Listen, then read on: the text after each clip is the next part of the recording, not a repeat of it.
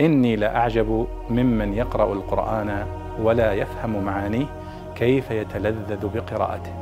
كيف يتلذذ بقراءته. يقول بهاء الدين ابن النحاس اليوم شيء وغدا مثله.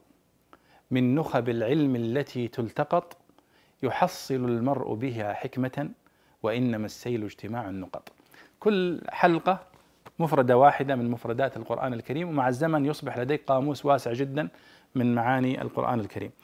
هنا في آخر سورة النجم يقول الله سبحانه وتعالى أفمن هذا الحديث تعجبون وتضحكون ولا تبكون وأنتم سامدون فاسجدوا لله واعبدوا كلمة وأنتم سامدون كلمة سامدون كلمة غريبة.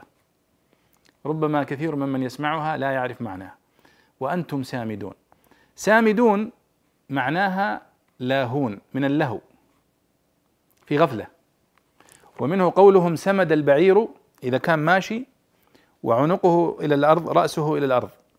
فقالوا سمد البعير كأنه ماشي وغافل ولاهي. وإذا رفع رأسه فهو منتبه. فقوله وأنتم سامدون هنا يعني وأنتم لاهون.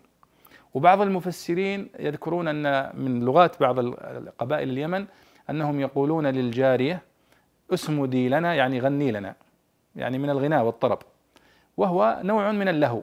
فإذا وأنتم سامدون. في قوله سبحانه وتعالى هنا أفمن هذا الحديث تعجبون وتضحكون ولا تبكون؟ وأنتم سامدون. يعني وأنتم غافلون لاهون عن ما يراد بكم وعن ما آه، سوف يؤول إليه أمركم في الآخرة. فاسجدوا لله واعبدوا. معناها أنه الصحو والانتباه من هذه الغفلة لا يكون إلا بالعبادة واغتنام الأوقات في العبادة الله سبحانه وتعالى حتى ينجو الإنسان من الغفلة. فإذا وأنتم سامدون هنا هي معناها وأنتم لاهون غافلون. مأخوذة من السمود وهو اللهو بمعناها العام. لكن الذين يفسرون بعضها وأنتم يعني سامدون أنها من الغناء فهو نوع من أنواع اللهو آه، وهو يكاد يكون يعني تفسيرا بخاص من المعنى العام. إذا وأنتم سامدون اتضحت لنا أيها الإخوة والأخوات أن المقصود بها اللهو بمعناها العام وأنتم سامدون إلهون. وهذه كما يقول بعض المفسرين وكتب غريب القرآن أنها لغة من لغات قبائل اليمن. لأن اليوم لا أحد يقول للغناء أو للهو سمود. هذه تعتبر آه، يعني كلمة اليوم غريبة من الكلمات التي لا تستخدم وإنما موجودة في هذا الموضع الوحيد في سورة النجم في القرآن الكريم. في أمان الله.